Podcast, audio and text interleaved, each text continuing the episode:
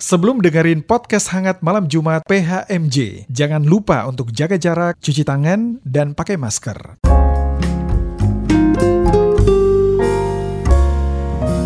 Podcast Hangat Malam Jumat.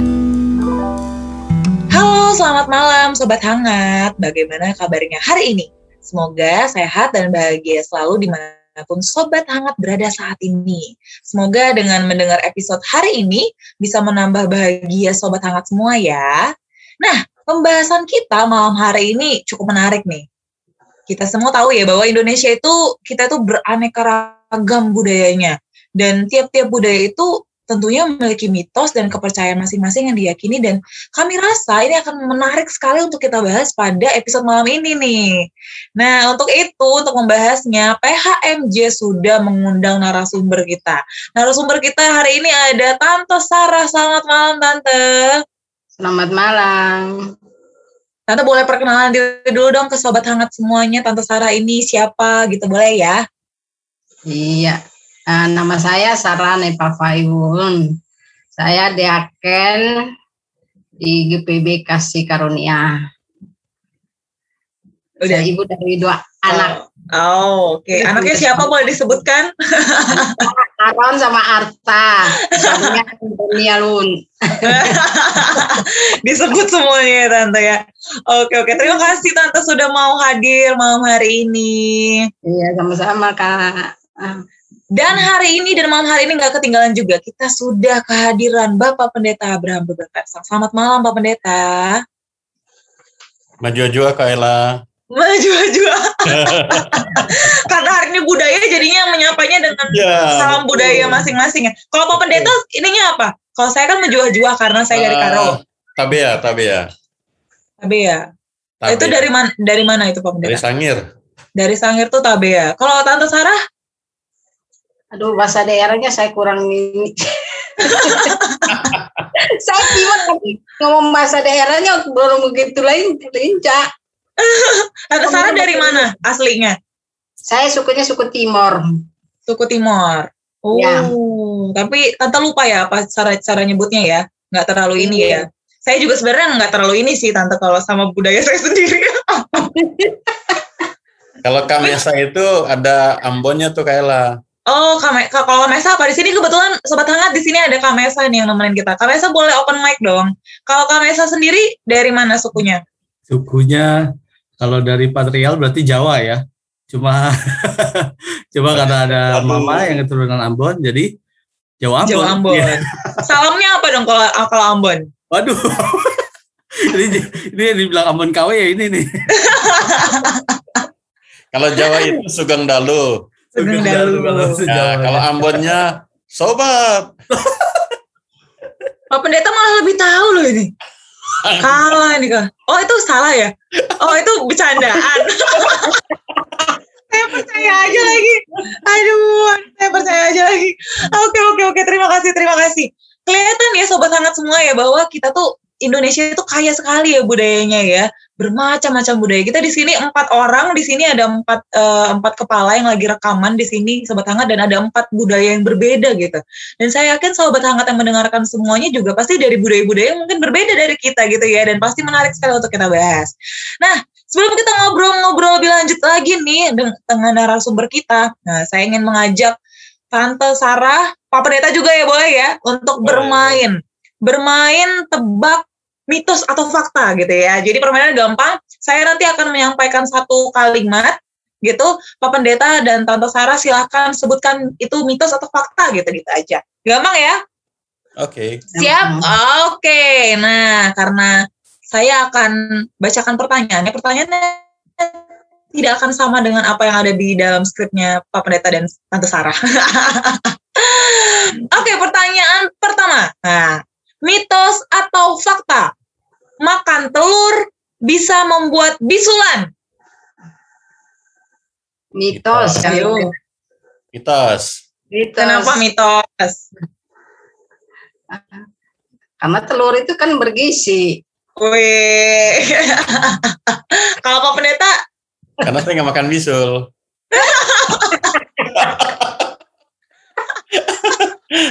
Enggak itu Yang- kan Yang bener Tante Sarah. Yang bener Tante yang bergizi Ya. sebenarnya dan Ya. bisul itu sebenarnya disebabkan oleh infeksi folikel rambut karena bakteri gitu ya. Pertanyaan kedua, pertanyaan kedua. Ini mitosnya sering banget saya dengar sebagai eh, anak gadis gitu ya. Nah, anak gadis gak boleh duduk di depan pintu nanti susah dapat jodoh. Mitos atau fakta? Mitos. Pak Pendeta? Saya nggak tahu karena saya bukan anak gadis.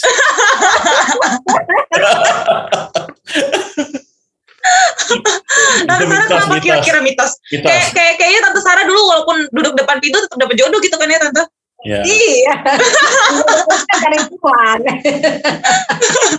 Iya iya benar-benar itu mitos sih. Jadi sebenarnya itu eh, di sering disebutkan untuk anak gadis supaya mereka lebih eh, menjaga sopan santun gitu, nggak duduk sembarangan di Iya. depan pintu gitu sebenarnya. Terakhir, terakhir, terakhir, pertanyaan terakhir nih, pertanyaan terakhir. Mitos atau fakta? eh gunting kuku di malam hari itu pamali, tidak bagus. Mitos, sebenarnya mitos. Mitos. Benar mitos, tapi saya juga suka larang Aaron sama Arta gunting kuku. sebenarnya tante tahu mitos tapi ya udahlah ya gitu ya karena memang sebenarnya tujuan itu disampaikan karena katanya ya kalau yang kata Google ya ini ya Bu Pendeta dan Tante Sarah katanya memang itu sengaja disebutkan ke anak-anak gitu ke orang-orang gitu supaya nggak gunting kuku malam-malam. Karena kan kalau gunting kuku malam-malam kan gelap ya gitu kan. Menghindari apa terluka gitu kan kalau gunting kuku malam-malam gitu. Kalau Tante ngelarangnya gara-gara apa? Ya itu karena dari dulu nasihat orang tua itu nggak boleh gu- gunting kuku malam-malam gitu. Tapi saya, karena turun temurun ya udah turun temurun ya udahlah nggak boleh aja gitu ya. Oke oke terima kasih. Tepuk tangan dulu dong untuk kita semua dong. Permainannya seru sekali. Semua jawabannya mitos tadi ya. Oke Iya. oke oke oke. Sebenarnya ada banyak banget lagi mitos-mitos yang sering banget kita dengar kan ya Pak Pendeta dan Tante Sarah dan mungkin sekali tadi kan kayak Tante Sarah gitu ya sering diucapkan kepada anak-anaknya kepada sesama kita gitu ya. Kayak apa yang sering saya dengar saya sebagai anak gadis gitu ya sering dibilang kalau misalnya kalau nyapu nggak bersih nanti dapatnya yang berewokan gitu. Kalau zaman sekarang mah cewek-cewek pada seneng kalau dapet yang berewokan ya. Harusnya nggak nggak nggak diucapkan lagi ya itu ya terus ada yang bilang eh, kupu-kupu kalau masuk rumah katanya akan ada tamu. Terus kalau ada suara burung gagak katanya nanti ada yang sakit ada yang meninggal dunia gitu. Dan banyak banget lagi yang dari seluruh seluruh Indonesia ini saya rasa banyak banget kalau dikumpulin jadi satu gitu ya. Nah saya mau nanya nih ke Tante Sarah nih ke Tante Sarah. Tante Sarah pernah dengar nggak sih tentang mitos-mitos yang tadi itu yang tadi tadi saya sebutkan tadi itu? Pernah, pernah ya ya, pernah. Per- apa mitos yang eh, kira-kira masih Tante Sarah percayai gitu? Atau Tante Sarah dulu sebelum menikah pernah ada eh, apa namanya mitos-mitos seperti itu? Atau mungkin setelah itu juga setelah menikah juga ada mitos-mitos yang berbeda yang Tante Sarah dengarkan gitu. yang mitos itu ya itu kayak itu kupu-kupu kupu-kupu. Kalau itu itu masih sampai sekarang masih ada Saya Oh masih gitu. ada ya ketika ada kupu-kupu itu ada tamu Beneran datang Tante? tamu. Beneran? Iya pasti ada tamu Oh. Iya benar itu masih ada Oh iya. Iya, kalau kayak tanda-tanda kematian tadi saya itu apa kayak lalat hijau. Lalat Nah. hijau kenapa tuh lalat hijau Iya. Tante? Kalau ada di rumah itu tanda-tanda ada dalam keluarga ada yang meninggal. Oh iya saya baru pertama kali denger loh yang lalat hijau. Kalau burung gagak tuh saya sering denger, tapi kalau lalat hijau ini saya baru denger. Jadi Iya, kalau- kalau ada-. Kalau ada lalat hijau artinya akan ada yang meninggal gitu Tante. Iya, pasti ada kedukaan gitu. Kalau kedukaan. kalau lalat hijau itu kalau kita masak itu amis, Mm-mm. nah, itu kan sering ada. Tapi kalau Betul, kita nggak masak apa-apa, kalau dia hadir itu biasanya ada tanda kedukaan. Oh, kalau nggak kalau nggak ada sumbernya terus dia ada Ya, gitu ya, iya, itu iya. perlu dipertanyakan ya. Oke, saya Iya. catat, tante saya catat. tante tante kan, tante kan ini kan eh, tadi kan aslinya tante itu kan orang Timor ya gitu ya. Ya. Ada nggak sih tante eh, apa namanya semacam pantangan-pantangan atau tradisi-tradisi di Timor gitu yang larangan-larangan yang tante masih pegang sekarang gitu ada nggak? Ya kalau masih gadis itu biasanya ah, kita orang tua itu kalau keluar rumah itu nggak sampai malam, nggak boleh lewat dari jam 10. Oh iya, nggak bagus iya Nggak bagus. Iya. Kenapa tante? ya nggak tahu pokoknya dilarang aja katanya Pokoknya dilarang aja. dilarang aja nggak- kalau masih gadis nggak boleh keluar sampai itu malam banget jadi nggak boleh lewat dari jam 10 Nggak boleh lewat dari jam 10. Iya. Itu waktu masih gadis. masih gadis Terus waktu-waktu setelah itu ada lagi nggak larangan-larangan, nggak pantangan-pantangan? ada lagi Nggak ada lagi. ya Oh, itu yang itu yang tante masih pegang sampai sekarang ya? Iya masih pegang tapi kalau sampai sekarang kalau kita larang ya ke orang kegiatan di gerejanya bisa sampai jam 12 Kegiatan di gereja aja sampai malam banget ya? larangan-larangan itu juga sebenarnya tidak nyata. Maksudnya kalau kita ikut kegiatan yang benar, kegiatan di gereja, itu sebenarnya nggak apa-apa. Tapi kalau Iya. untuk dulu itu mereka berpegang bahwa ketika anak gadis keluar sampai tengah malam itu ada omongan yang tidak bagus gitu. Ah, mm, mm, mm. Gitu. Oke oke oke oke. Iya sih bener juga sih ya anak gadis keluar malam-malam kan jadi omongan orang gitu ya tante Nah, ya. omongan orang. Tapi kan tapi kan kalau tante tahu tahu lah ya anaknya ke mana kalau malam-malam ya ke gereja lah palingan ya. Sekarang tahu jadi. Kalau Pak Pendeta Pak Pendeta Pak Pendeta di tempatnya Pak Pendeta sendiri ada nggak sih mitos-mitos yang ini tuh budayanya daerahnya Pak Pendeta banget gitu ada nggak? Eh, saya sebenarnya senasib dengan Ibu Sarah. Jadi sangirnya itu sangir KW gitu. Jadi eh, kalau untuk budaya-budaya ya rasanya sih hampir sama ya budaya apa sorry mitos-mitos dari budaya Indonesia itu hampir mirip-mirip pada umumnya. Gitu. Jadi seperti yang tadi eh, apa makan di depan pintu nggak boleh, kemudian gunting kuku malam eh, itu kan katanya eh, bisa mengundang makhluk halus gitu. Kemudian eh, bersiul eh, malam-malam juga begitu. Lalu eh, kalau ayam berkokok pagi dan sore itu tanda ada wabah penyakit Hmm. atau eh, ada anak gadis yang hamil sebelum menikah gitu. Oh. Eh, ada seperti itu gitu ya di dipercaya seperti itu. Eh, burung gagak tadi eh, Mm, kalau ada dia terbang di atas rumah terus bersuara itu ada yang sakit dan atau ada yang meninggal begitu. Dan saya pribadi kalau untuk burung gagak tuh memang punya pengalaman tuh dari eh, Makassar tepatnya. Ketika saya tugas di Makassar, awalnya saya tidak perhatikan gitu ya. Dan ketika bunyi burung gagak itu kapan saja, bisa pagi, bisa siang, bisa sore gitu, atau malam. Nah, eh, ketika di Jambi, eh, saya makin perhatikan gitu. Ini kok saya ada di kantor bunyi burung ya, padahal di daerah situ nggak ada burung gagak gitu. Terus saya mulai pelajari dia punya polanya, pola eh, apa ritme bunyinya, besaran suaranya gitu. Terus saya kasih kit saya tandai kalau yang begini ini apa ya? Oh ternyata nih anggota jemaat. Oh ini ada yang saya kenal. Ini anggota keluarga gitu. Jadi saya udah bikin tuh catatan itu. Nah yang tambah saya ngeri adalah eh, dalam tanda petik ya gitu. Eh, ya memang itu benar gitu loh. Ketika ketika bunyinya keras dan cepat gitu temponya itu adalah anggota keluarga terdekat gitu. Nah, dari Jambi itu kan kami tugas di Singapura. Singapura itu kan kotanya tertib, bersih, teratur gitu. Yang namanya burung gagak tuh jarang gitu. Hmm. Bahkan di Orchard yang di tengah kota itu eh, pernah ada satu peristiwa duka gitu. Saya dengar gitu dari dari eh, ruang kantor saya itu saya dengar ada burung gagak. Ini di Singapura nih. Hebat juga nih burung gagaknya. Dia ini nih apa namanya eh, pakai paspor mungkin ya gitu ya untuk memberitahu gitu. Benar sampai kejadian seperti itu. Sampai akhirnya dan itu saya saya cerita sama istri kan. Istri bilang eh tadinya istri bilang begini, jangan percaya lah yang kayak gitu-gitu.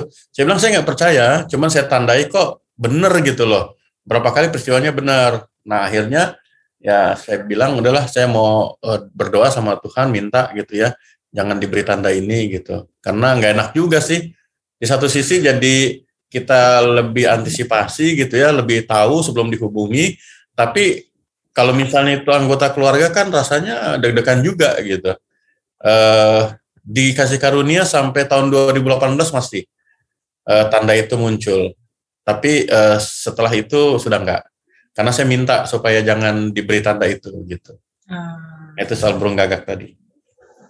Oh, itu mitos yang eh, Pak Pendeta juga pernah alami bahkan ya. Hmm, hmm. Terasa nyata sekali ya Pak Pendeta ya. Saya saya nggak ditanya, saya tanya dong. Saya boleh dong ditanya. Nggak ada yang mau nanya saya. Kayla? Oh iya, terima Kak kasih. Terima kasih Pak Pendeta. Tapi kayaknya senasib nih kita juga ya. Kayaknya nih, kalau di budaya Karo itu yang paling kental tuh adalah tidak boleh menikah semarga. Wow. Semarga, itu di ya. Semarga di tempatnya Pak Pendeta sama Tante Sarah boleh nggak sih nikah semarga? nggak nggak boleh Oh sama ya berarti tetap yang nggak boleh ya. nggak boleh. Di tempatnya Pak Pendeta Kalau tempat eh, kami sih eh, enggak enggak ada ya. Bukan enggak ada, mungkin enggak ketat gitu ya. Karena kan. Eh, bisa saja marga itu sudah berlapis-lapis gitu. Iya. Jadi bukan dekat. Kalau ada hubungan darah gitu ya. ya, kalau kan ada marga misalnya marga Wun gitu ya. Mm, Dia iya. sudah cucu bersaudara gitu, udah jauh Hmm. banget gitu. Ya seperti kami keluarga Selawati gitu, keluarga Rudingan itu jauh. Nah itu masih boleh. Oh. Kalau di Karo nggak bisa ya. Di Karo nggak bisa. Anggapannya tetap saudara-saudara walaupun sudah kenal aja enggak gitu. Jauh gitu. Tetap nggak boleh tetap. Wah aturannya ketat sekali kalau di suku Karo. Kalau yang saya Gitu. pernah dengar itu nggak boleh eh, menikah sekantor. Itu mah aturan kantor zaman sekarang Pak Pendeta. Eh, bukan. Sekantor itu kan banyak orang. Kan menikah satu orang aja. Oh iya bener juga ya. Saya salah lagi nih. Saya kena mulu ya Pak Pendeta nih. Mantap Pak Pendeta. Mantap. Oke oke. tapi tapi Tante saya mau nanya deh. Eh, Tante kan tadi sempat bilang beberapa mitos yang Tante masih percayai dan dan dan terasa nyata juga gitu ya untuk Tante Sarah Hmm. gitu.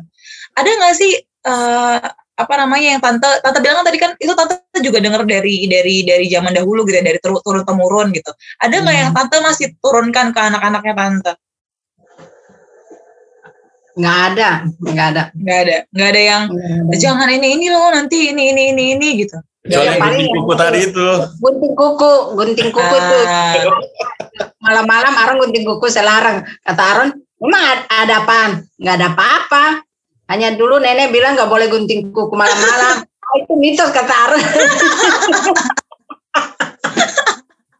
padahal Tante juga tahu itu mitos ya. iya ya sih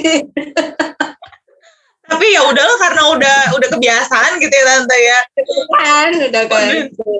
Hmm. Kalau Pak Pendeta ada nggak Pak Pendeta yang diturunkan ke anak-anak? Eh, kami enggak. Cuma Hector itu kan dia suka nonton film gitu ya. Hmm. Kalau lagi ada waktu istirahat atau libur Sabtu. Nah, salah satu yang saya pernah terjadi adalah soal itu tooth fairy itu. Pergi Oh. gitu gitu. Jadi satu kali dia eh, apa namanya copot giginya. Dia simpan itu, dia simpan. Oh. Terus eh, kami nggak tahu giginya copot itu eh, kejadiannya pagi, sore baru ketika ngobrol-ngobrol dia bilang, Pak Ma ini loh aku simpan loh apa Eh, ini gigi karena kan ada itu kan ceritanya kalau disimpan itu nanti ada tooth fairy yang begini-begini. Waduh, ya, seperti itu gitu. Budaya luar tapi itu ya. Kalau di Indo kan yang ini Pendeta yang kalau gigi atas copot di Ah. bawah yang gigi bawah ke atas gitu kan ya. Atas, betul. iya kalau di tempat saya kalau gigi atas itu dibuang ke atap rumah Oh iya iya iya iya iya iya iya. iya. di satu Beda juga ya? mandi, mandi malam itu sering saya larang iya. Tetap dilarang ya. Iya. Oke oke. Banyak ya banyak sekali ya ini ya pantangan-pantangan. Hmm. Kamesah tuh kayak lah orang Jawa banyak tuh. Oh iya orang Jawa saya pernah denger yang orang Jawa tuh yang kalau mau nikah harus pakai weton-wetonan. Terus Nah. kalau yang apa namanya yang tanggal satu tahun eh, anak pertama sama anak ketiga nggak boleh nikah bareng kayak gitu. Nah. Kak boleh dong apa-apa nih pantangan-pantangan yang Kak dapatkan dari orang tua? Kan kalau saya nanyanya diteruskan ke anak belum kan? Jadi saya tanya yang dapat dari orang tua apa? Kalau di rumah itu ya maksudnya nggak terlalu kental dengan eh, kedaerahannya karena kita rata-rata pada besar di Jakarta juga dari sisi papa pun juga nggak terlalu kental. Eh, maksudnya tidak membawa pattern-pattern Jawanya gitu ke kita ya. Jadi ya paling hal-hal yang kayak tadi aja yang kayak ada kupu-kupu masuk wah nanti pernah dengar juga Oma bilang oh, nanti ada tamu. Atau eh, almarhum pernah pernah almarhum Oma pernah ingetin kalau seandainya saat mandi eh, terus ada kayak hewan-hewan berupa apa itu kelabang atau apa diusir aja jangan eh, jangan di dibunuh. Karena Kenapa? eh, bisa saja itu adalah bagian dari keluarga yang udah pernah meninggal ya mas segala macam seperti itulah. Itu juga pernah di diomongin sama Oma itu pernah Oh. pernah sekali tapi yang saya pikir apa benar seperti itu tapi sampai akhirnya sekarang ya ya kalau ada itu ya ditilang aja Nggak sampai harus di, di apa dibunuh segala macam bener Paling apa salahnya pernah- ap- pernah aku nanti dengar. lah gitu ya tapi tetap Iya, diikutin iya. aja gitu ya Kayla Oke, pernah it- itu enggak? apa tuh Eh, kalau lagi pacaran nggak boleh pergi ke kebun raya Bogor, katanya nanti putus. masa sih Iya, pernah dengar sih pak saya pernah dengar tuh. oh nggak bener. boleh ya ampun kasihan amat kebun raya Bogor jadi sepi dah tuh gara-gara itu Iya, ada tuh seperti itu katanya. lucu-lucu ya di Indonesia ini ya Ya, kalau kalau ada di Flores, kalau sebelum menikah tuh ritualnya potong gigi. oh iya potong gigi Ya, potong gigi pakai kain adat. Hmm. Nanti kalau habis dipotong tuh diobatinya dengan mengunyah pinang, pinang yang masih muda.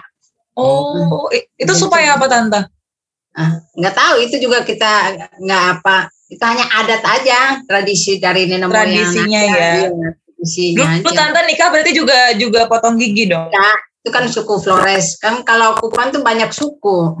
Hmm. oh malah ada banyak sukunya Kayak kita timur, Beda-beda timur aja tuh sukunya banyak banget. Oh beda-beda banget berarti Ya, ya, tiap, beda-beda. tiap suku pasti ada yang ada ada aturannya sendiri gitu ya tante ya Iya kayak Wah, kita menarik timur, sekali ya Indonesia ini ya kaya sekali ya Mm-mm. kayak kita timur harus ada adatnya. Adatnya itu yang dinamakan bilis. Hmm. Itu harus apa ada. itu tante Itu Sinamot, kayak, sinamot, kayak adat Batak itu. sinamot. oh Ya, mas kawin. Mas kawin. Nah, Itu. Jadi kalau mas kita kawin orang timur gimana Bu Sarah? ya Berapa jumlahnya itu belis itu? itu nggak ditentuin. Mm-mm. Itu, itu omongan keluarga cewek dengan cowok. Jadi, Jadi itu mereka- kalau adatnya belum selesai, nanti be- sampai anak kita juga nggak boleh ketika dia nikah dia nggak boleh ambil adat. oh Ya, jadi kalau dia mau ambil adat, dia harus ke kampung dulu, ambil adat orang tuanya dulu, dilunasin Hmm. dulu, baru bisa. Oh, Gitu. alah. Itu pakai kayak gini juga nggak tante kan kalau di apa? Kalau kata orang ini saya nggak tahu ya. Kata kata kata orang kalau yang kalau yang suku Batak tuh berdasarkan ini apa namanya? Kalau dia sarjana maka makin mahal gitu. Kalau dia eh, dokter lebih mahal lagi gitu. Kalau di sana Ya. sama juga nggak tante? Enggak. Ya, biasanya sapi, sapi Oh. yang Berarti lebih pakai hewan gitu ya dibandingkan uang ya. hewan. Ya. Hmm. Dan mereka hitungannya kandang kayak Oh, misalnya kuda lima kandang gitu, wow, bukan ekor. mahal dong. Iya. Astaga. Luar biasa, luar biasa, luar biasa. Tapi itu berarti yang beli yang beli cowoknya gitu ya tante? ya? Cowok, cowok, ya biasanya cowok cowok. yang beli ya. Rata-rata memang budaya di Indonesia kayaknya yang cowok yang beli ya. Setahu saya juga Ya. rata kebanyakan ya yang cowok yang bayar ya. Tapi kalau Padang kan cewek, cewek yang beli. Kalau Padang, Padang ya. Kayaknya Ya. hanya Padang ya, yang lainnya pada cowok yang beli. Ayo semangat yang cowok-cowok. Oh, Kamesak doang yang belum. Pak Pendeta mah udah kan. Saya dulu waktu sama Natalia, Mm-mm. eh, beliau kan Sumba, ya Hmm. suka. Sabu gitu. Terus eh, sudah mendekati mau rencana pernikahan, Terus dibilang, itu ada mas kawinnya katanya. E, mas kawinnya gimana? Ya harus bawa macam-macam lah perhiasan segala macam gitu. Wah, Iya. saya pusing kepala juga kan gitu kan. Saya bilang berapa banyak nih? Saya bilang saya tanya sama istri kan. Nah, Ibu Netalia juga beliau nggak terlalu paham gitu kan. Hmm. Tanya sama orang tua dan keluarga. Oh, kalau di adat kita nggak harus dalam bentuk uang. Eh, sirih itu daun sirih itu itu diumpamakan emas katanya gitu. Jadi bisa datang dengan membawa satu karung daun sirih. Dalam hati saya puji Tuhan gitu. Jadi betul. Saya cari daun sirih waktu datang untuk eh, istilahnya masuk minta gitu ya, lamar. Jadi buat selain ada perhiasan sedikit gitu sama perlengkapan lain, terus tanda yang lain secara adat itu sirih. Bawa satu Oh. karung sirih itu. Itu tandanya bahwa oh ya sudah sungguh-sungguh mau masuk minta untuk menikah gitu. Wah. Gitu. Beruntung ya berarti Pak Pendeta ya hitungannya ya. Iya itu. Oke oke oke. Ini menarik sekali nih. Langsung saya berasa langsung, aduh Indonesia itu kaya sekali ya budayanya sangat amat beraca, berbagai macam gitu ya, bermacam-macam gitu ya, beda-beda sekali dan terbukti bahwa Indonesia itu kaya sekali budayanya. Kita akan lanjut lagi pembicaraan kita yang semakin menarik ini, tapi nanti kita istirahat dulu mungkin sebentar. Tetap di podcast hangat malam. Jumat.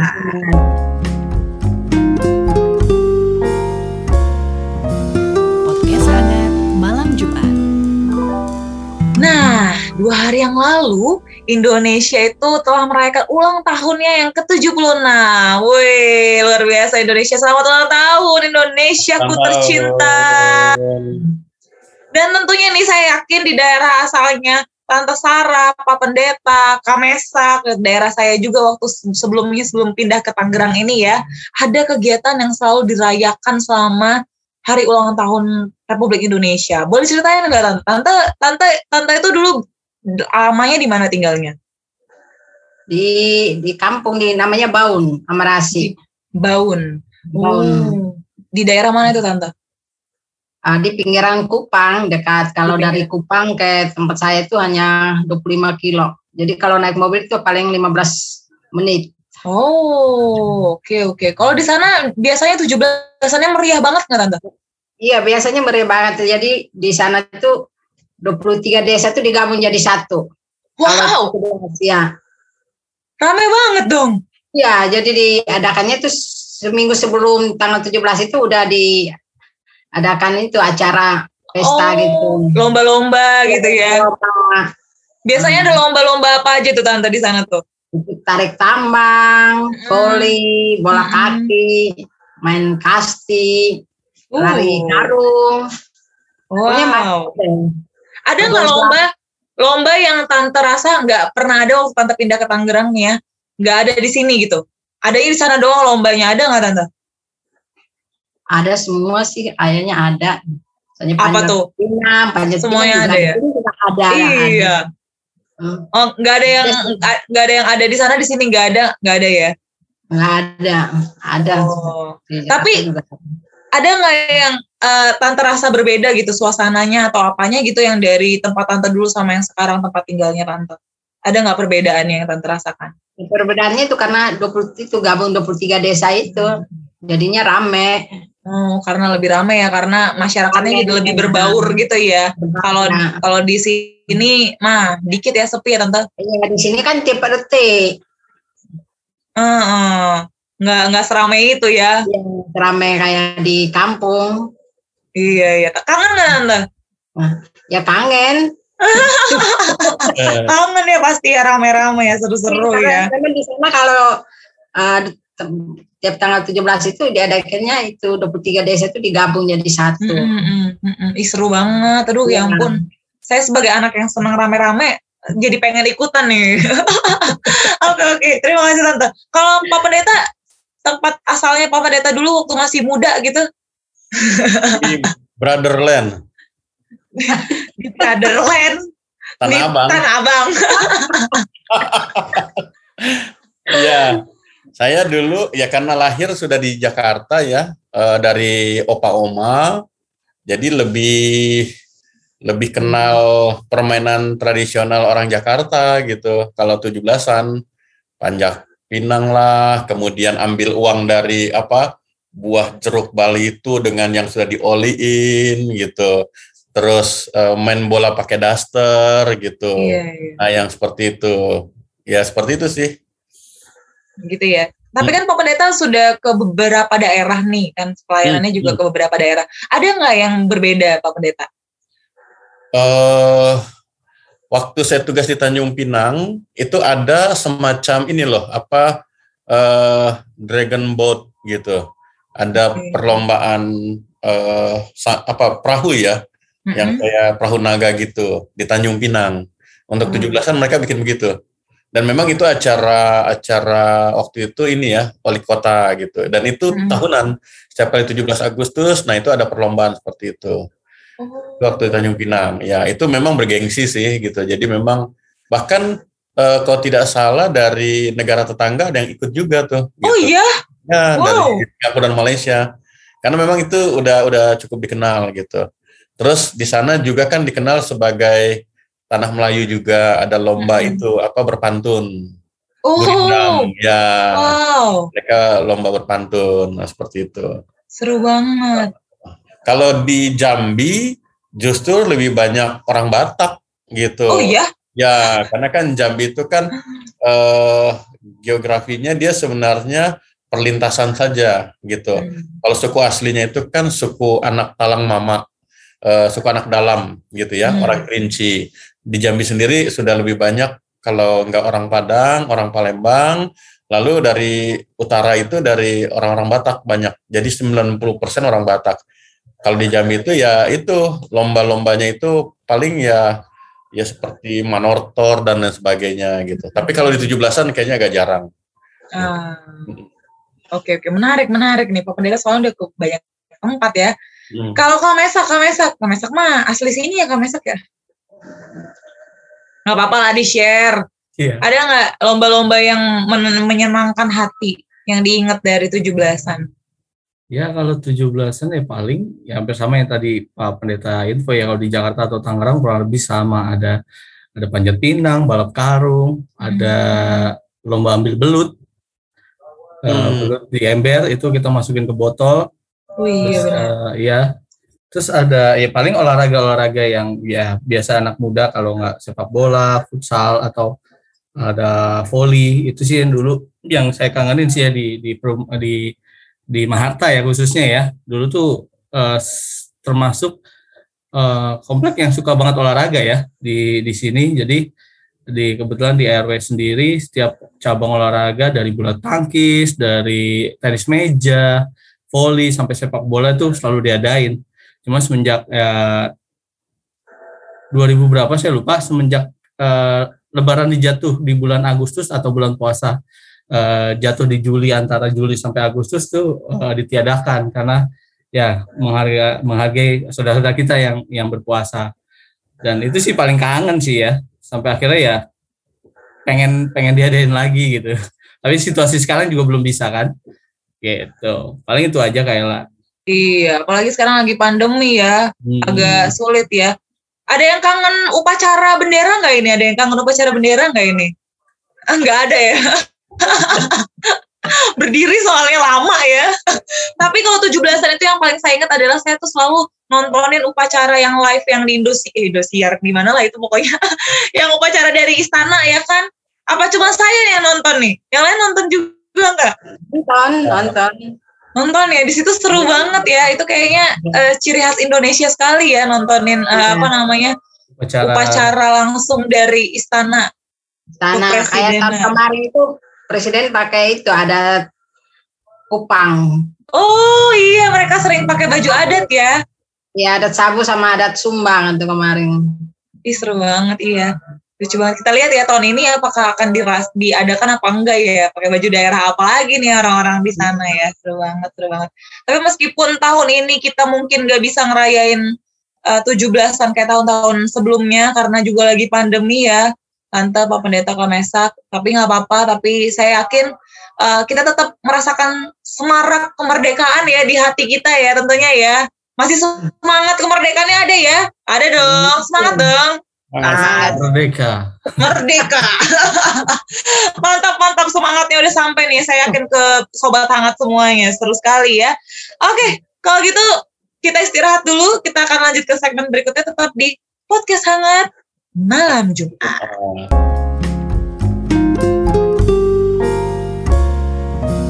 Podcast hangat malam Jumat. Masih dalam suasana 17-an nih, eh, Sobat Hangat, Pak Pendeta, Tante Sarah, Kamesak gitu ya. Eh, dua tahun ini kan kita itu udah pandemi gitu ya. Saya yakin juga dua tahun ini momen-momen kemerdekaan yang mungkin selama ini kita rasakan gitu sudah mulai memudar, tidak kita lakukan lagi gitu. Ada nggak momen-momen yang paling Tante Sarah rindukan dari suasananya 17-an itu yang suasana seperti apa yang Tante rindukan? mungkin di RT saya ini kan tiap eh, tanggal 17 itu diadain lomba gitu. Mm-mm. Karena sekarang sekarang itu nggak ada. Ya mungkin Hmm. rindunya itu ada lagi gitu. Iya. Ada kegiatan jadi rame gitu di. RT kita gitu. Ah, mereka nggak bikin lomba-lomba online gitu tante? Enggak ya? Enggak ada. Oh tetap Soalnya ada sini ya. kan daerah kampung bukan komplek jadi susah juga. Malah dibikin ntar nggak ada yang ikut ya gitu ya tante ya. Iya. Tapi itu ya lomba-lomba ya yang paling dirindukan banget ya meriahnya, meriahnya 17-an ya. Hmm, Iya, aduh kangen jadi banget. Rame-rame. Hmm, iya bener. Nah sekarang pandemi, kita kan social distancing ya nggak boleh ngumpul-ngumpul malahan. Iya. Hah, kalau dari Kamesak gimana Kamesak? Apa yang paling dikangenin? Suasana yang seperti apa yang dikangenin dari 17-an? Ya paling keramaiannya itu ya. Hmm. eh, yang mungkin kita teriak-teriakin orang-orang sekitar yang ikut lomba-lomba atau kita sendiri yang ikut ambil bagian ikut lomba tersebut dan mungkin juga rindu juga ya Pak Pendeta ya atau Tante Sarah kalau di gereja kita tuh kalau 17-an suka pakai eh, menjelang 17-an atau pakai baju-baju adat ya Iya betul. ibadah setiap Oh Jumat iya. Nah, itu juga pasti di para sobat hangat juga rindu tuh untuk eh, beribadah sama-sama dengan pakaian adat yang mereka kenakan gitu. Ya paling kurang lebih itu deh Kayla. Pasti Iya, juga ya. ikut pengen ikut lomba-lomba lah. Iya iya iya iya. Kangen ya main lomba sepak bola nih pasti kalau Kamesak. pasti ya. Iya iya. Oke oke menarik menarik menarik. Kalau Pak Pendeta sendiri gimana Pak Pendeta? Apa apa suasana yang Pak Pendeta rindukan? Mungkin jawabannya boleh berbeda ya dari jawaban Tante Sarah dan Kamesak ya Pak Pendeta. Nanti giliran Kayla lebih berbeda ya. Tadi sepertinya Kayla juga belum ditanyakan tuh. Nah tadi itu, tadi itu eh, soal upacara sebenarnya tadi agak ini juga sih apa namanya eh, ada romantisisme gitu ya. Kenapa? Karena waktu SMP itu saya sering tuh kalau nggak jadi komandan upacara, jadi pengibar bendera. Gitu. Wah. Kayak begitu tuh. Jadi seneng gitu kalau upacara. Makanya teman-teman bingung juga. Lu lu tuh Ben orang mah seneng main bola, ini seneng upacara katanya. Luar biasa. Emang beda banget Pak Pendeta kita ini. Gitu ya. Cuman ya itu eh, dulu kan ada cerita paskibraka segala macam gitu. Cuman waktu SMP kecil banget saya gitu eh, posturnya. Jadi nggak masuk lah kualifikasi untuk paskibraka gitu kan. Nah itu. Jadi eh, suasana itu. So- makanya kalau udah bicara upacara gitu, pasti terbangun lagi tuh ingatan itu. Nah, hal yang paling eh, yang juga menjadi kenangan atau suasana yang eh, agak berkesan gitu ya, eh, ketika kami tugas di Singapura itu. Jadi eh, kedutaan besar biasanya mereka eh, memberitahu buat warga Indonesia yang ada di Singapura yang mau ikut upacara detik-detik proklamasi boleh mendaftar dan datang gitu. Wah itu suasananya memang eh, apa ya beda gitu ya karena di situ kita langsung eh, ya upacara bersama dengan dubes lalu dengan semua atase dan lain sebagainya. Nah yang menarik upacaranya sebenarnya singkat gitu ya. yang menarik setelah itu kemudian kita bisa dengan apa dengan uh, sangat cair gitu uh, ngobrol kita kemudian ramah tamah gitu uh, apa ya jadi suasana ke Indonesianya tuh nasionalisme itu betul-betul rasanya gimana gitu. Nah setelah itu baru kemudian kita ngikuti siaran langsung yang detik-detik proklamasi dari istana gitu. Memang apa kebangsaan itu eh, ke nasionalisme itu memang ya harus dipupuk sih gitu ya harus dipupuk. Eh, itu harus terus ditumbuh suburkan gitu. Apalagi kalau sekarang ini kan banyak eh, generasi muda yang peluangnya itu banyak untuk kuliah di luar negeri dan lain sebagainya. Uh, dan dan menarik sih, maksud saya gini, ketika ikut upacara itu, saya pikir hanya orang tua yang datang gitu, tapi enggak juga yang mahasiswa, yang kuliah, yang apa, uh mereka semangat gitu. Uh, mereka sangat menunjukkan rasa cintanya untuk Indonesia. Nah itu itu berkesan. Nah kalau dikasih karunia kan memang kita uh, apa membangun ya, membangun untuk karena GPIB itu kan eh, banyak orang bilang gereja Indonesia mini. Maksudnya apa? Eh, di GPIB itu ada berbagai latar belakang budaya jemaatnya.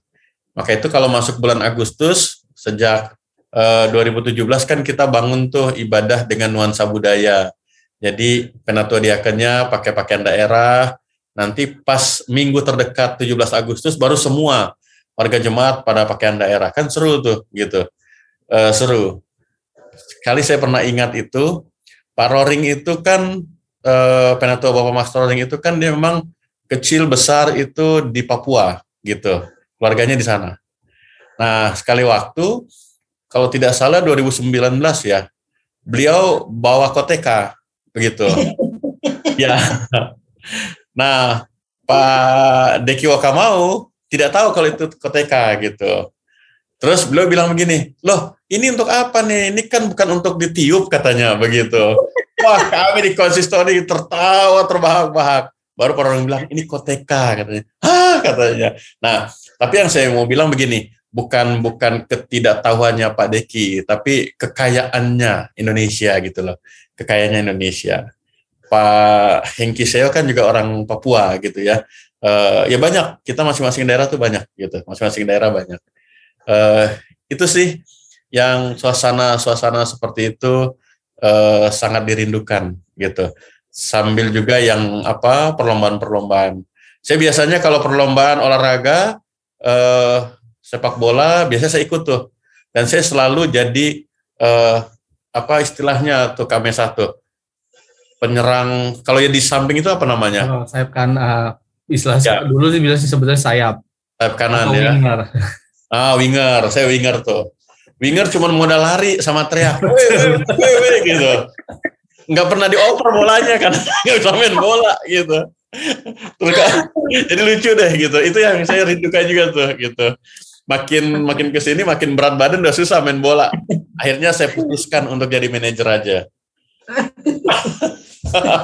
gitu kayak jadi manajer bagus tuh sama Neta. Tetap tetap olahraga ya. Tetap ya. olahraga. Ya. Tetap ya. bagus.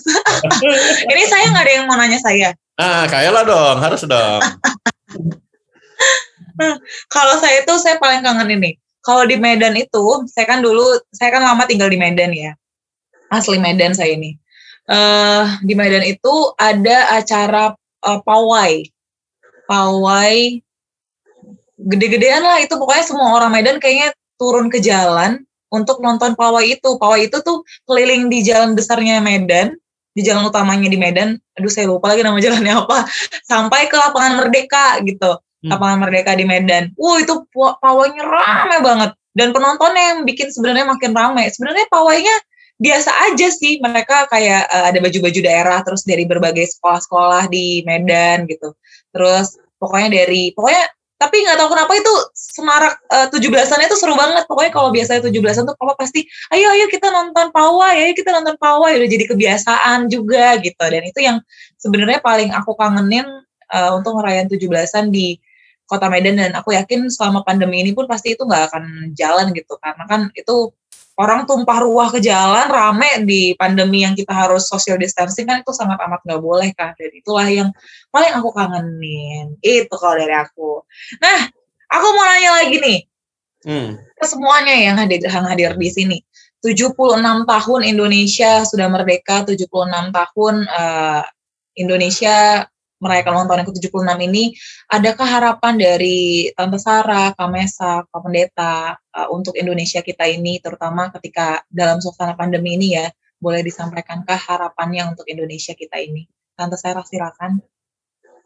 Ya harapannya ya Indonesia semakin maju habis uh, covid corona ini um, kalau bisa hilang dari Indonesia ini ya biar kita bisa beraktivitas lagi dengan aman. Kita juga bisa beribadah lagi juga dengan tenang. Uh, ya mungkin yang itu aja dari saya. Jadi biar kita bisa melakukan sesuatu itu juga dengan tenang dengan baik gitu. Tidak ada tentangan tidak ada gangguan lagi. Itu Amin, amin, amin, amin. Oke, terima kasih Tante. Kalau dari Kamesa gimana Kamesa? dari aku ya semakin maju semakin eh, pandemi eh, pandeminya cepat selesai Eh, kiranya juga para warga negaranya semakin apa ya mau segera untuk divaksin untuk kita sama-sama membangun apa ya imun secara nasional ya apa disebutnya setelah istilahnya Imunitas imunitas Herd immunity. herd immunity. Iya, herd immunity seperti itu. Supaya kita juga sama-sama lawan ini nama corona biar kita bisa kumpul lagi, bisa beribadah lagi sama-sama. Dan eh, ya itu aja paling Kaila gimana Kaila? Kalau harapannya Kaila gimana? Oh, tadi sinyal saya sepertinya kurang stabil.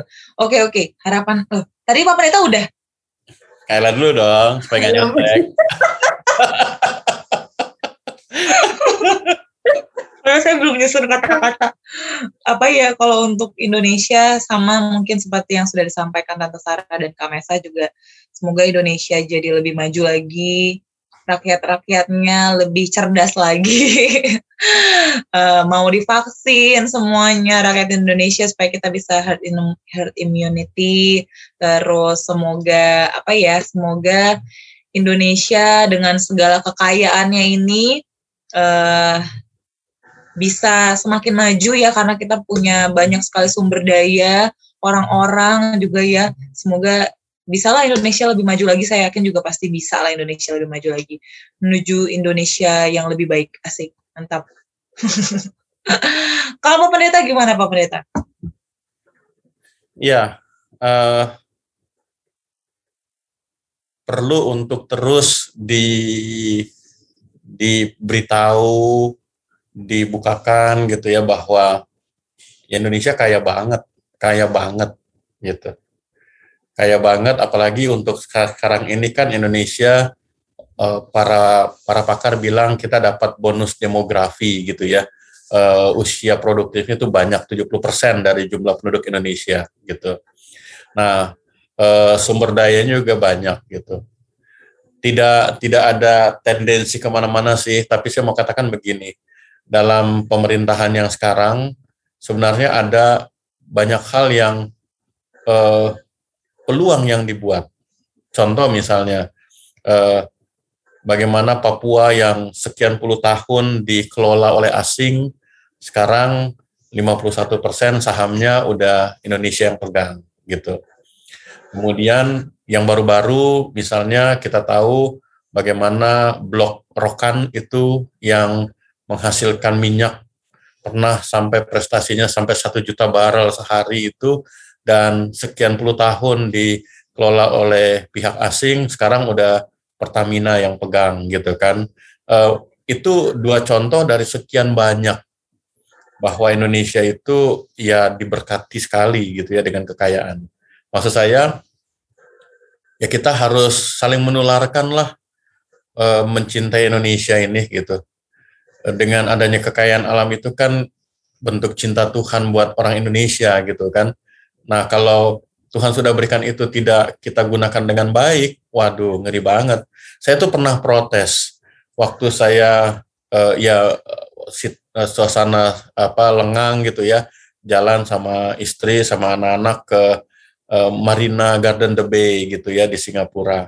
Nah, waktu masuk itu di entrance-nya itu itu ada instrumental uh, instrumentalia dipasang itu uh, suling sulingnya Sunda gitu.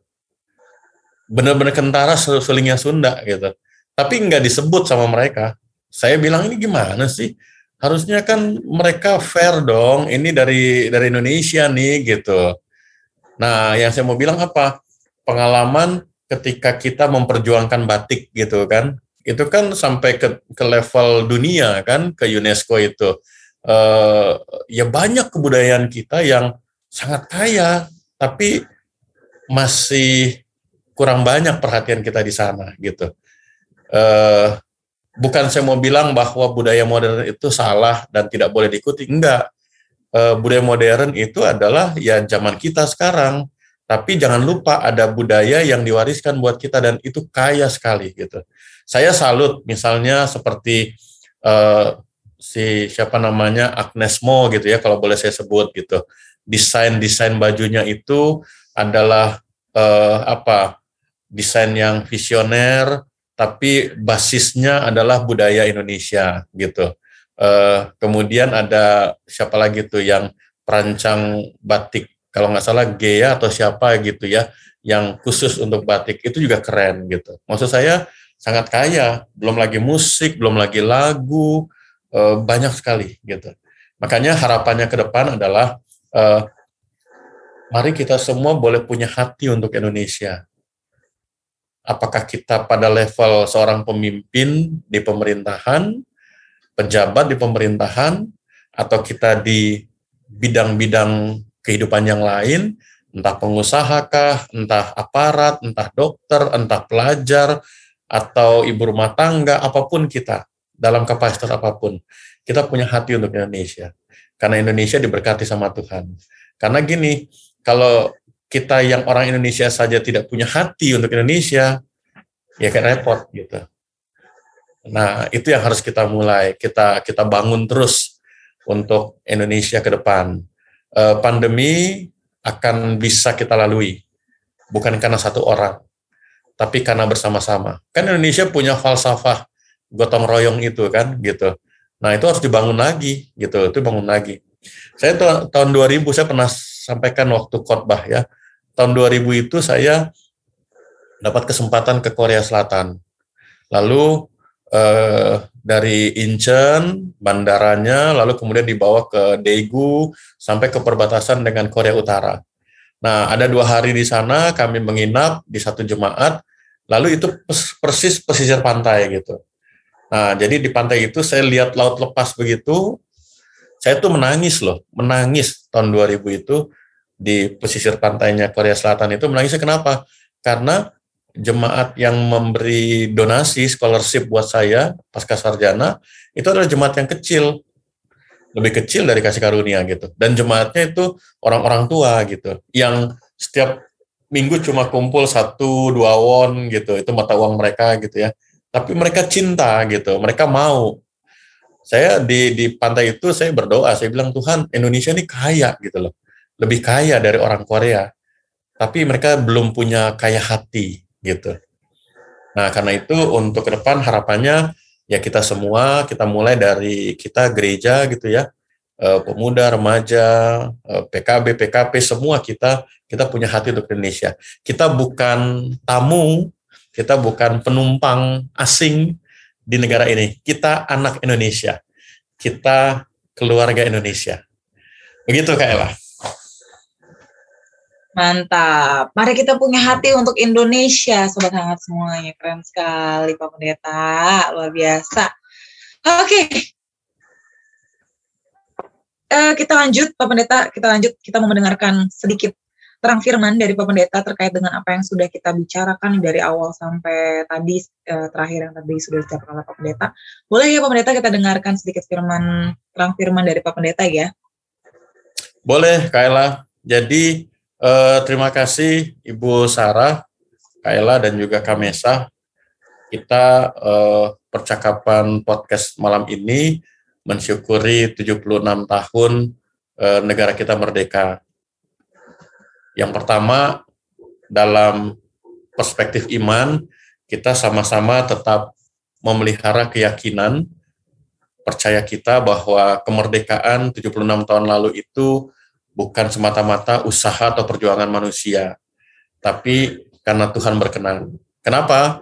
Karena kalau eh, teman-teman, sobat hangat, eh, googling gitu ya, googling, rasanya peristiwa tahun 45 itu adalah peristiwa yang tidak masuk akal gitu. Kenapa? Karena Indonesia eh, belum terbentuk menjadi sebuah negara begitu. Lalu kemudian yang dihadapi adalah Belanda yang sudah sekian puluh tahun bahkan sejarah mengatakan ratusan tahun lalu berganti lagi dengan Jepang, Inggris dan seterusnya berhadapan dengan eh, apa istilahnya itu kekuatan kolonialisme yang besar gitu. Tapi Indonesia bisa merdeka gitu. Lalu kemudian dari tahun 45 sampai dengan tahun 49 dan terus kemari uh, masih terus uh, Indonesia berjuang. Kan ada istilah uh, pejuang kemerdekaan begitu ya, itu setelah tahun 45. Dan dengan segala keterbatasan Indonesia itu uh, bisa mempertahankan kemerdekaan. Uh, saya kasih contoh lagi waktu di Singapura ya. Di Singapura itu pernah uh, satu hari saya baca di korannya gitu, newspaper di sana, uh, mereka protes angkatan laut kita memberi nama kapal, uh, kapal angkatan laut itu Harun dan satu lagi gitu.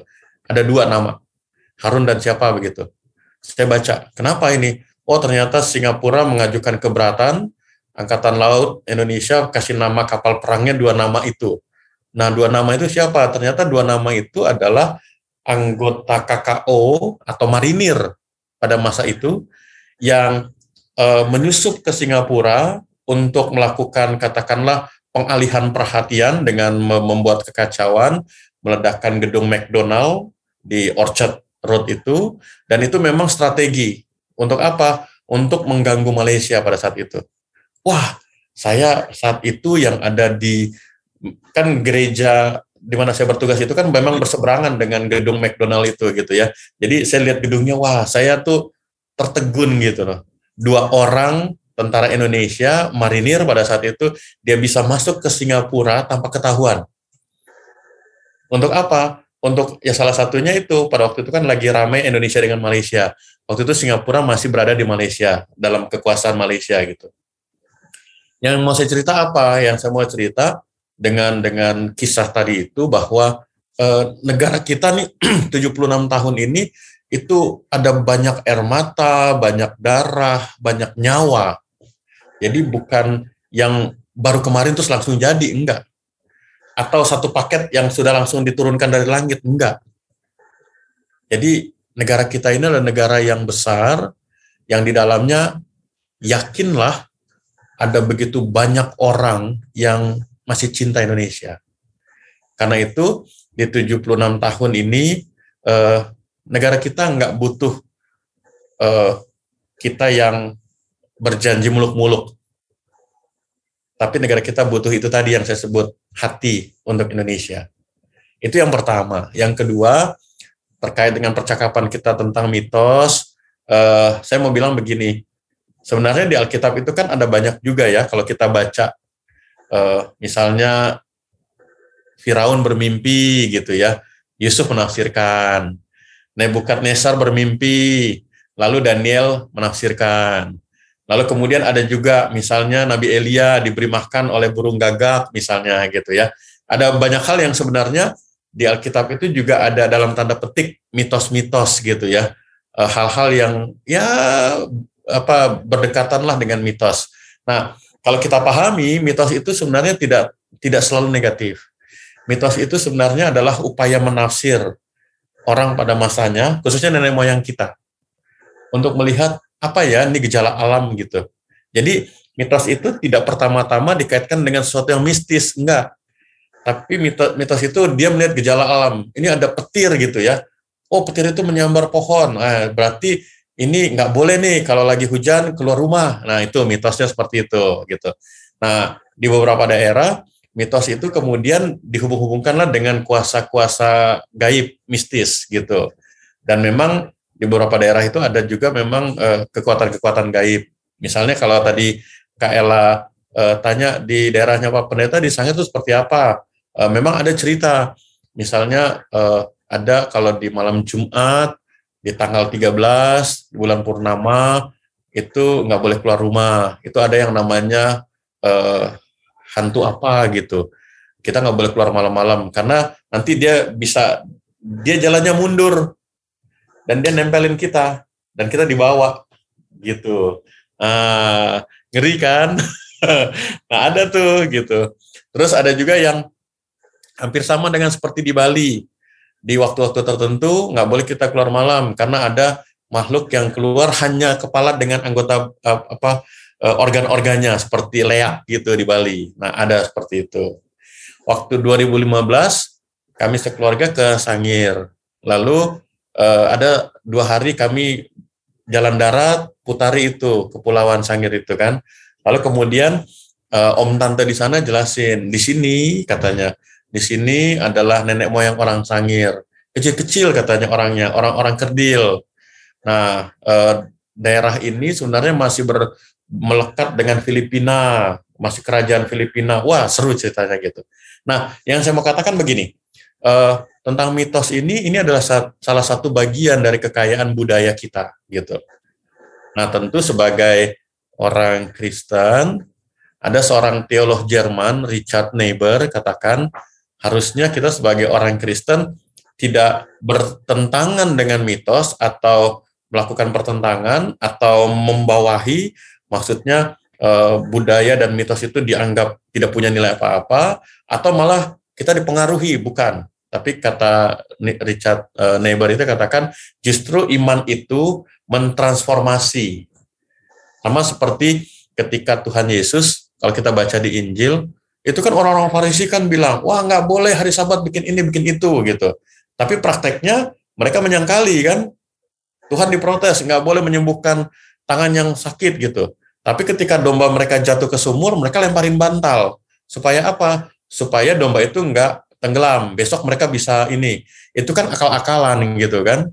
Nah, Tuhan bilang justru ketika uh, di dalam satu ayat Tuhan bilang begini, sabat itu diberikan untuk manusia, bukan manusia untuk sabat. Artinya apa? hari perhentian, salah satu dari bagian hukum Taurat itu, yang kemudian nanti melahirkan banyak tradisi-tradisi di orang Israel itu, itu diberikan untuk manusia. Artinya manusia tuh dibantu oleh firman Tuhan, oleh oleh perintah Tuhan untuk menata, mengatur hidupnya. Bukan justru uh, apa yang dipedomani itu malah mengekang, bahkan kemudian menjadi semacam apa ya aturan yang membelenggu, bahkan kemudian menakut-nakuti orang lain. Maka itu kembali ke Richard Niebuhr tadi, Richard Niebuhr katakan begini, Tuhan Tuhan Yesus sendiri dia melakukan yang namanya transformasi. Jadi budaya itu diterima, diwarisi, lalu dimaknai lagi gitu. Kalau orang Batak misalnya ada budaya seperti mengulosi gitu ya, memberikan ulos, ketika ada kegiatan tertentu, misalnya baptiska, eh, nikah, dan lain sebagainya. Dulu misalnya ada bicara tentang doa ini, doa itu. Nah sekarang sebagai orang Kristen, ketika memberikan ulos, yang memberikan ulos itu mendoakan yang di dalam iman kepada Yesus Kristus gitu. Jadi itu yang namanya transformasi. Nah, ketika kita ketemu dengan mitos-mitos yang berbau mistis, ya tentu kita nggak percaya itu. Kita serahkan pada Tuhan, gitu kan. Uh, ya seperti yang tadi di Ibu Sarah bilang, nggak percaya tapi tetap diingatkan uh, Aaron dengan Arta soal nggak boleh gunting kuku malam-malam. Nah itu kan sebenarnya itu tadi ya mitos itu kan upaya manusia pada masa itu mem memikirkan ini kalau begini gimana ya baiknya. Gunting kuku pada waktu itu kan kita bayangkan ya sekian puluh tahun atau nenek moyang kita sekian ratus tahun itu kan belum gunting kuku yang jepit begini gitu kan? Ya kan? Gunting kukunya mungkin pakai pisau gitu kan? Kita nggak nggak tahu. Nah kalau terjadi pada malam dan malam itu kan nggak terang begini dengan lampu yang terang, dengan pelita yang gelap, ya kepotong lah itu jari kan gitu. Nah, kalau sekarang dengan lampu yang terang, gunting kuku, ya kalau memang bisa dihindari jangan malam, ya pagi aja gitu. Tanpa ada bumbu-bumbu mistis gitu. Ya Ibu Sarah ya. Iya. Jadi dikasih tahu, eh nanti tanganmu luka gitu. Jadi jangan bilang begini, eh jangan gunting kuku malam-malam, jangan. Cukup bilang aja nanti luka gitu. Nah itu itu upaya juga kita membebaskan dari pengertian eh, pengertian-pengertian yang tidak perlu. Nah dalam kaitan dengan 76 tahun merdeka dan mitos, maka kita lihat ke depan. Lihat ke depannya itu apa? Kalau saya mengutip apa yang dikatakan oleh Paulus dalam Roma pasal 12, Paulus katakan persembahkanlah tubuhmu sebagai persembahan yang hidup, yang berkenan, yang kurus di, di hadapan Tuhan. Nah, sebenarnya itulah panggilan kita. Panggilan kita di tengah kehidupan bangsa dan negara kita. Kita menjadi Kristen itu kalau kita baca di dalam Injil Yohanes, karena kita diutus ke dalam dunia. Jadi dalam rangka mensyukuri 76 tahun, dengan segala kekayaan yang ada di Indonesia, kita diutus ke dalam Indonesia. Dari mana kita? Dari Indonesia. Bedanya apa? Kita dikeluarkan dengan terang Kristus, dikembalikan lagi untuk menerangi Indonesia. Jadi buat sobat hangat, buat Kak Ella, Kamesa, Ibu Sarah, ada Arta dan ada Aron, dan semuanya kita semua ini diutus untuk Indonesia untuk menjadi terang-terang bagi Indonesia. Bayangkan kalau kegelapan ini katakanlah begitu ya dengan situasi pandemi dan lain sebagainya, terus masing-masing kita yang diutus oleh Tuhan masing-masing menyalakan terang kita, katakanlah sebatang lilin, terus nanti ada sekian banyak lilin nyalakan, bukankah kegelapan itu akan terobek dengan terang itu? Jadilah terus untuk terang dan garam buat negara kita dan Tuhan mencintai Indonesia. Karena itu sekali lagi punya hati untuk Indonesia. Dirgahayu Indonesia. Dirgahayu Indonesia. Terima kasih loh Pak Pendeta. Wah, menjadi garam dan terang untuk Indonesia nih. Jangan lupa ya Sobat Hangat ya untuk selalu punya hati untuk Indonesia, menjadi garam dan terang di mana pun sobat hangat berada saat ini. Mantap. Oke, kalau gitu karena Pak Pendeta sudah menutup dengan cantik uh, untuk episode kali ini, terima kasih saya mengucapkan untuk Tante Sarah sudah mau menyempatkan waktu bagi-bagi iya, ceritanya untuk kita semua, untuk sobat hangat semuanya. Terima kasih Pak Pendeta untuk juga tadi juga juga sudah bagi-bagi cerita ya ke kita juga ya. Tadi sudah mau bagi cerita terima kasih. Untuk Kamesak juga. Kamesa yang juga sudah bagi-bagi cerita juga tadi sedikit banyak. Terima kasih sudah menginspirasi sobat hangat semuanya. Mudah-mudahan sobat hangat bisa dapat cerita-cerita yang seru ya bisa mewarnai tujuh belasannya sobat hangat semua ya mudah-mudahan cerita kita ya oke kalau gitu kita undur diri ya Pak Pendeta Tante Sarah dan Kamesa kita undur diri Semoga sehat selalu untuk kita semua. Selamat ulang tahun, hari ulang tahun untuk Indonesia yang ke-76. Salam merdeka. Merdeka. Salam merdeka. merdeka. Sampai bertemu lagi di PHMJ episode berikutnya. Dadah.